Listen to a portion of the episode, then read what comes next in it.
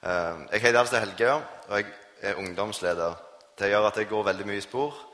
Jeg har ikke vært så mye her, men i dag så er jeg her. Og i dag får jeg lov å dele Guds ord eh, med dere, og det gleder jeg meg til. I spor eh, så har vi nettopp vært på Viken, på Finnøy. Og da sa jeg til Krojan at jeg var, veld, jeg var veldig imponert over den øya som han kom ifra. Det var veldig fint der. Og vi var veldig mange. Vi var nesten 60 stykk på tur. Og vi hadde det utrolig kjekt i lag. Og I Spor så driver vi med alt mulig løye, og jeg trives veldig godt eh, med å arbeide der eh, og få være blant eh, de, alle de som går der. Og det er veldig spennende at det er veldig mange nye som har begynt nå, som har lyst eh, har Spor som sin plass. Eh, men jeg syns det er veldig kjekt å være her òg. Eh, og i dag så skal jeg altså tale over en av lesetekstene. For det er sånn på ellevemøtene her i høst at eh, vi bruker søndagens tekst Eh, og Så gikk jeg gjennom de tekstene som sto oppført, og da så jeg at det sto den som han Koya leste nå tidligere, og så sto det en som sto i Filipperne. Og det er en tekst som har eh, betydd mye for meg i det siste. Så jeg ble veldig gira når jeg fant ut at det var teksten som sto for i dag. Så jeg bare juksa litt og brukte den istedenfor. Um, og det som er temaet for i dag, tror jeg jeg tror jeg kan si det, Kristus i meg, eller Jesus i meg. Og Det er et veldig stort tema. og jeg tror eh, at jeg kunne sikkert snakket i tre timer. Det sa jeg til Svein Anton. Jeg tror han ble litt nervøs da, men jeg skal ikke gjøre det. Eh, eh, for det er et veldig stort tema, og det har betydd veldig mye for meg. Eh, jeg tror det er livsforvandlende eh, for oss kristne når vi oppdager hva det betyr at Jesus er i oss.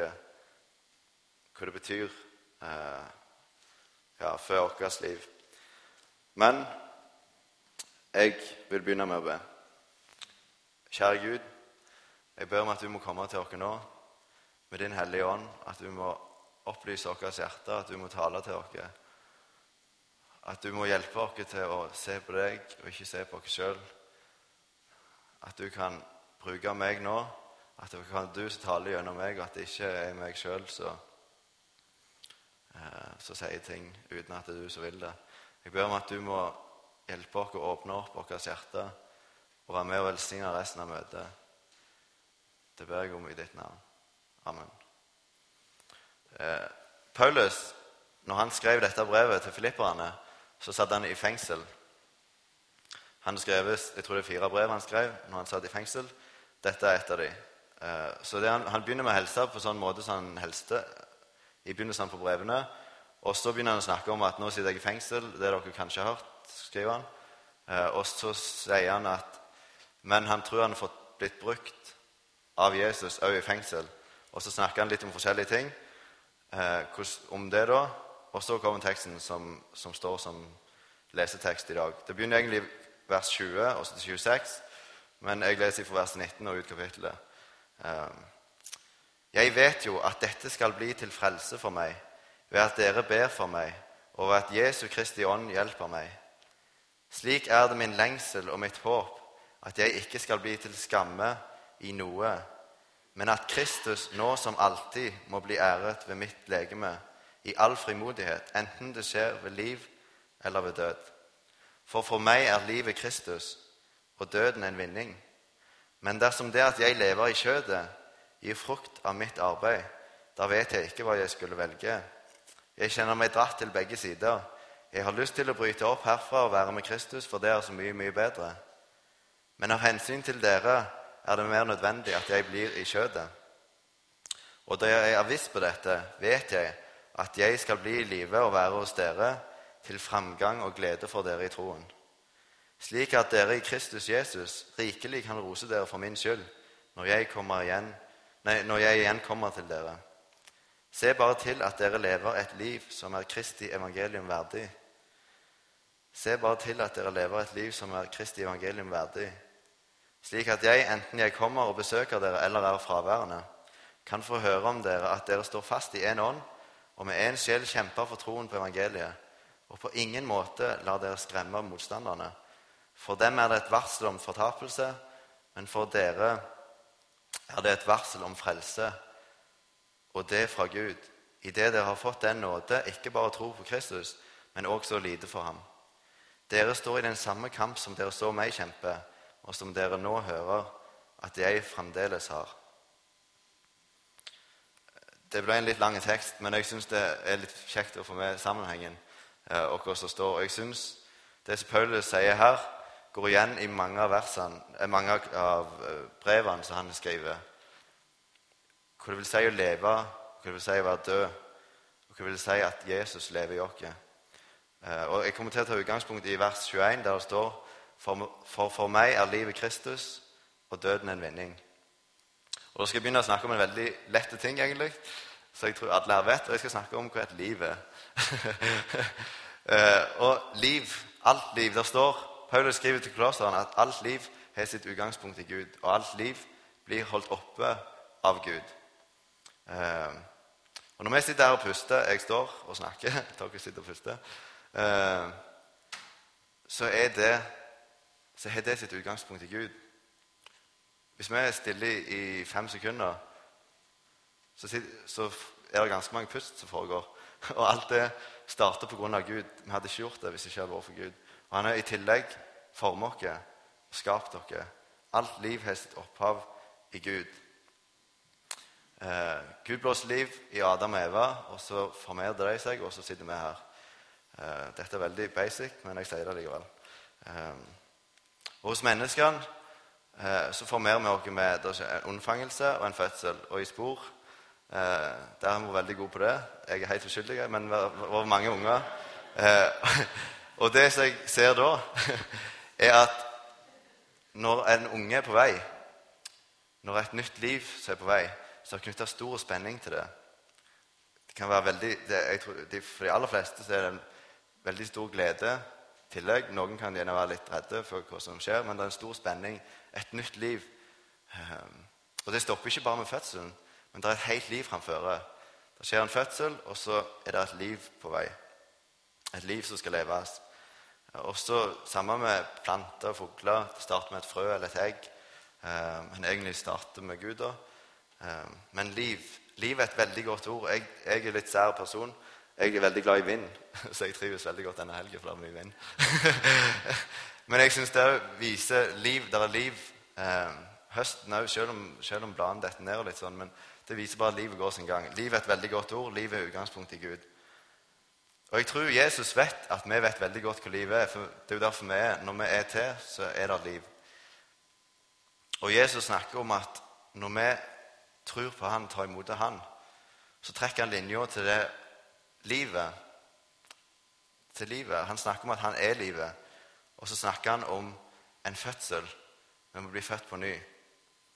Og Jeg tror vi har vært veldig gode til å snakke om eller jeg tror vi er gode til å snakke om hva det vil si å være frelst, og at vi er syndere. For vi er syndere, og vi trenger frelse. Og vi ser fram til det evige livet. Det er derfor Paulus sier at døden er en vinning. Eh, for når vi kommer til himmelen, da blir det aldri en mer kamp. Men det er et liv imellom når vi blir født på ny, og til vi kommer til himmelen. Det er et liv. Eh, Nikodemus var en mann som visste veldig mye om Det gamle testamentet. Ordet om Gud som de hadde på den tida. Han visste veldig mye. Han visste helt sikkert hva som skulle til for at han skulle komme til himmelen, egentlig.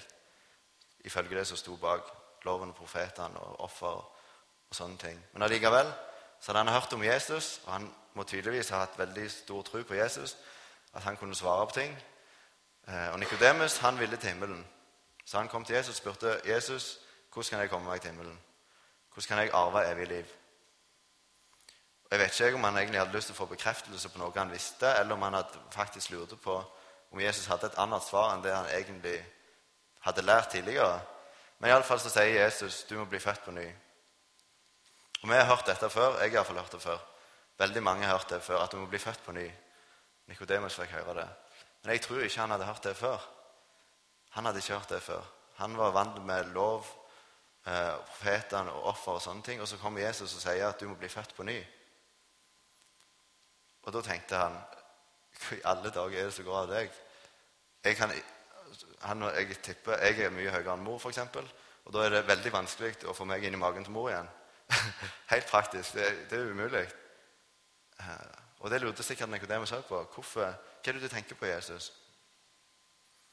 Det hørtes veldig merkelig ut. Men jeg tror det Jesus mener, er at det er et nytt liv som må starte. Det er et nytt liv som må starte, og det er ikke bare Når vi blir kristne, så er det ikke bare en fortsettelse på det gamle meg med modifikasjoner, hvis du forstår hva jeg mener. Det er ikke bare Helge før jeg ble kristen, og Helge etterpå, og så er jeg med Jesus på slep. Eller jeg ikke tror med, og han hjelper meg når det passer. Men Helge fram til jeg blir omvendt, og så dør gamle Helge, og så et nytt liv. Jesus lever i meg. Da er det ikke lenger meg det handler om. Det handler om meg på en måte, for det er jeg som har fått et nytt liv. Men det er Jesus som gjøre ting gjennom meg. Eh, vi blir gjenfødt her på jorda. Vi blir gjenfødt til et liv med Jesus her på jorda. Hvis ikke hadde Jesus bare sagt at vi blir gjenfødt når vi kommer til himmelen. Men vi får et nytt liv her. Og så når vi kommer til himmelen, så blir det en vinning, for da slipper vi å, eh, å slite mer med synd og sånn som er i verden nå. Eh, Paulus snakker veldig mye om dette, som sagt. Eh, og jeg skal lese litt ifra Romerne. Først skal jeg lese i Romerne 14, og vers 7-8. Skal vi se Der står det For ingen av oss lever for seg selv, og ingen dør for seg selv. For om vi lever, så lever vi for Herren. Og om vi dør, så dør vi for Herren. Enten vi da lever eller dør, så hører vi Herren til. Og så skal jeg lese fra Romerne 6, vers 4 og 8. Det blir mye brukt når det er dåp. Så ikke ta feil. Vi ble begravet med ham ved dåpen til døden, for liksom Kristus ble oppreist fra de døde ved Faderens herlighet, så skal også vi vandre i et nytt liv. Men døde vi med Kristus, da tror vi at vi også skal leve med ham. Og Grunnen til at jeg snakker om dette, er at det har fått veldig stor betydning for meg i mitt liv når det virkelig har gått opp for meg hva dette innebærer. Jeg skal komme tilbake igjen til det. Men først vil jeg se litt på Moses. Jeg tror dette, det handler litt om gudsfrykt, rett og slett. For meg handler det iallfall om gudsfrykt, og jeg tror det handler om det for mange. Moses ble kalt av Gud. Han var en gjeter. Eller han var egentlig ikke det. Han ble oppvokst på slottet, og så endte han opp som gjeter vekke fra Egypt, der han egentlig var vokst opp. Og så møtte Gud han. 'Moses, kan du gå og hente hjem folket mitt?' Og På en måte så kunne vi tenke at Moses var en god mann til det, for han var vant med å snakke med farao siden han var vokst opp der. Pluss at han var jøde. Han var det folket, så da måtte det jo passe veldig godt. Men Moses var ikke flink til å snakke for seg. Han stamte. Eller han hadde problemer med å snakke. Så Moses sa nei. Gud kalte han. 'Jeg vil bruke deg til å, å ta, føre folket mitt ut av Egypt.' Og Moses sa nei. For jeg kan ikke snakke for meg. Og Sara Vi var inne på det med fødsel og sånn. Sara, Abraham og Sara ble lova en sønn. Eh, Abraham var 100 år. Sara var 90.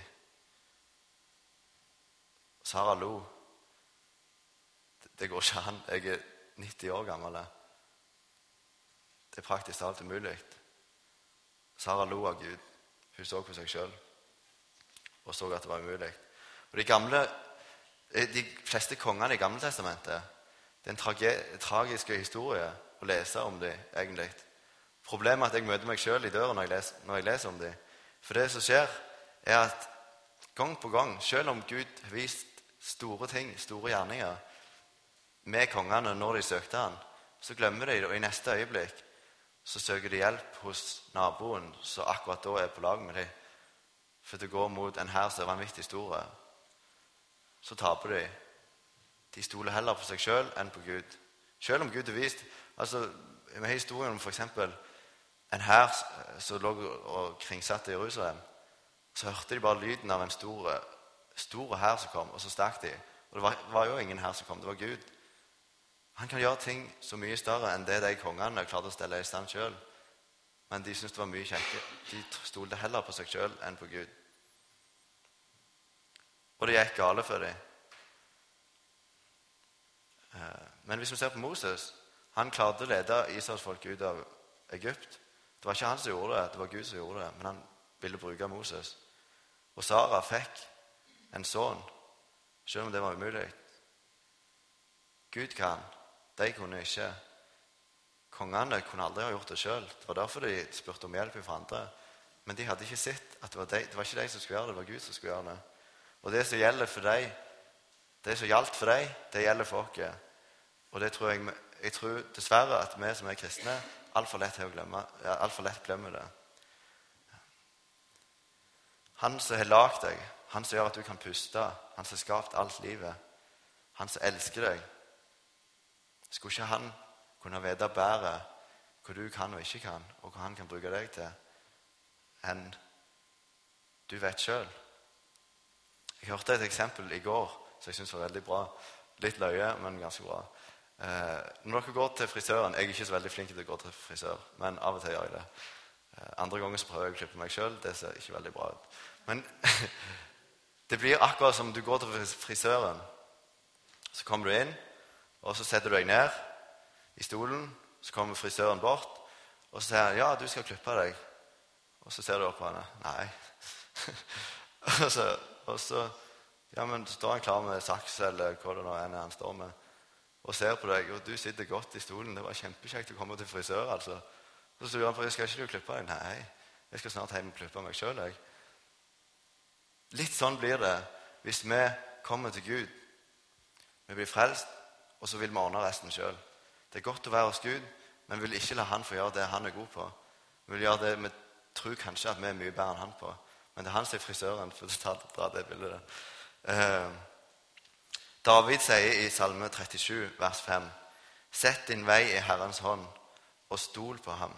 Han skal gjøre det. Det handler om frykt for Gud slutte å se på oss sjøl hvor vi kan og ikke kan. Vi må stole på Gud. Han skal gjøre det. Vi må sette vår vei i Herrens hånd og stole på Han. Det handler om å stole på Gud. Hvis Moses hadde stolt på Gud han, og virkelig hadde sett hvor stor Gud var, så kunne han sagt ja, hvis du gjør det for meg, så kan du bruke meg. Sara hadde ikke trengt å lede av Gud hvis hun hadde virkelig fått øynene opp for hvor stor Gud faktisk er. Men når vi tenker på det, han har skapt hele verden. Skulle ikke han da kunne gjøre sånn at Sara fikk en unge når hun var 90 år gammel? Og Samme gjelder kongene. Skulle ikke han kunne frelse dem ifra fiendene som han hadde skapt sjøl? Han visste jo absolutt alt. Eh, nå vil jeg lese en tekst fra andre krønikebok. Det er en bok som kanskje ikke leses veldig mye fra, men der står det en ting som har truffet meg veldig hardt, hvis du kan si det sånn. Eh, det er en profet, Hanani, som ble sendt til en konge som heter Asa. Han var en av de kongene som hadde gått i samme felle om igjen og om igjen.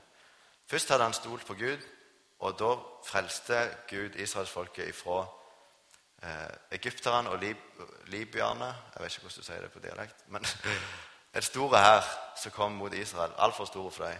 Da søkte han hjelp hos Gud, og da vant de. Og Så glemte han det, og så gikk han egne veier. Og Da sier Gud gjennom profeten til Asa.: Fordi du satte din lit til kongen i Syria, og ikke til Herren din Gud, derfor har syriakongens hær sluppet ut av hendene på deg. Var ikke etioperne og libyerne en stor hær med stridsvogner og hestfolk i stor mengde? Men fordi du den gang satte din lit til Herren, ga han dem i din hånd. For Herrens øyne farer over hele jorden, for kraftig å støtte dem som har helt med ham i sitt hjerte. Du har båret deg uforstandig at i dette, og fra nå av skal du alltid ha krig. Gud sier til oss at du båret deg uforstandig av. For jeg søker hele jorden til å se om det er noen som er helt med meg i sitt hjerte. Noen som våger å stole på meg mer enn de stoler på seg sjøl. Noen som våger å stole på skaperen istedenfor det som er skapt. Det er jo helt logisk. Selvfølgelig, selvfølgelig kan han som skaper, gjøre større ting enn det som han sjøl har skapt. Men vi må se det, og så må vi våge å gå. Han har sagt han vil være med oss. Og for min del så gjaldt det det å stå og snakke om ham før folk. Eh, jeg har snakket om det før i spor. Men det var en ting som jeg var veldig redd for. Jeg, jeg har ikke problem til å snakke for meg normalt sett. Jeg tyder så det står etter. Men når jeg står framfor folk sånn når alle har en forventning om at jeg skal si noe, så sitter dere og hører på, det var for meg en helt forferdelig ting å gjøre. Jeg sa det til Svein Anton på intervjuet at jeg så ikke for meg at jeg kom til å tale i spor eh, som ungdomsleder. Så leste jeg en bok om gudsfrykt som handler om stor, hvor Gud, stor Gud er i forhold til oss. Og da gikk det opp for meg at grunnen til at jeg nervøs, ble nervøs, var for jeg så på meg sjøl. Jeg tenkte hva skjer hvis jeg går opp og blir så nervøs at jeg får et nervøst sammenbrudd? Hva skjer da? Altså, Jeg vil jo aldri tro å gjøre det igjen. Og hva tenker folk? De får ikke med seg egentlig det som jeg prøvde å si. Jeg ville se forferdelig dum ut. Og hva skjer hvis jeg sier noe feil, hvis jeg glemmer det jeg skal si? Hvis jeg sier noe som ingen forstår, kanskje det bare jeg som forstår hva jeg sier? Det er jo ikke veldig dumt. Eh, og så altså sånne ting. Og så når jeg så kjernen på dette problemet, så så jeg jo at det handla om meg. Det handla ikke om han som har bedt meg å gå. Det handla ikke om ordet som jeg skal legge fram. Akkurat som Moses. Jeg er så dårlig til å snakke. Tenk hvis jeg dummer meg ut. Jeg kan ikke, jeg har ikke råd, jeg har ikke tid. Dette var det som gjaldt for meg. Eh, nervøsiteten. Jeg er så nervøs. Dere vet kanskje hvor det gjelder dere. Det er ikke alle som skal stå og snakke framme. Men jeg tror hvis Gud gir oss et ord, så tror jeg vi skal si det. For det handler ikke om om vi kan si det eller ikke. Det handler om Han som vil bruke oss. Og dere vet hvor det gjelder med dere, og hvor ting som dere kanskje ser på dere sjøl istedenfor Gud. Men uansett, vi kan se på ting som er umulige. Vi har ikke tid og råd, som jeg snakket om, eller vi har ikke anledning, jeg har ikke gjort dette før, jeg kan det ikke. Gud kan. Han har skapt dere, og han er mektig til å føre dere akkurat der han vil. Sett din vei i Herrens hånd, og stol på ham. Han skal gjøre det. Vi må la oss bruke av Gud. Vi må våge å stole mer på Han enn oss sjøl. Mm. Ja, jeg tror jeg stopper med det, men jeg vil be. Jeg vil be til slutt. Kjære Gud, jeg ber om at du må si nåde til oss mennesker. Vi ser så altfor lett på oss sjøl, og vi glemmer at du er stor og mektig til å frelse og til å gjøre store ting gjennom oss. Kjære Gud, du var mektig til å lede Israels folk ut av Egypt på en mektig måte. Og du kunne bruke Moses selv om han ikke kunne snakke for seg. Kjære Gud, du reiste Jesus opp for de døde, og du begravde de gamle livene, de gamle livene våre med Jesus. Men Jesus sto opp igjen, og Jesus lever, og Jesus lever i oss som vi tok imot han. Hjelp oss til å se det, hjelp oss til å få frimodighet til å gjøre ting som vi egentlig i oss sjøl ikke kan gjøre. Eller ikke tårer, eller ikke makter. For alt makter vi i deg. Takk, Gud, for at du er allmektig. Takk for at du er skaperen. Takk for at du har skapt oss. Takk for at vi får ha et evig liv i himmelen i vente, der vi ikke lenger trenger streve med det gamle mennesket som stadig dukker opp igjen. Jeg ber om at du må hjelpe oss til å La den seieren som du allerede har vunnet, få runge i livet vårt. Hjelp oss til å frimodig møte andre folk og dele med oss av det gode budskapet vi har om en som er mektig til å sette folk fri. En som er mektig til å gi oss et nytt liv her på jord og senere i evigheten, i himmelen. Takk for at vi resten av dagen og resten av tida vår her på jorda kan leve frimodig sammen med deg. Og hjelp oss til å peke på eller pek på ting i livet vårt som hindrer deg i å gjøre det du har lyst å bruke oss til. Du ser vi begrenser altfor mange ganger deg. Vi begrenser altfor mange ganger din gjerning. For vi glemmer at det er du som skal gjøre det, og ikke oss. Og din storhet kan kun komme til syne i vår skrøpelighet, sånn som Paulus sier. Jeg ber om at du må være med og velsigne resten av dagen alle som er her inne, og barnearbeidet som blir drevet oppe, søndagsskolen. Det ber jeg om i ditt gode navn. Amen.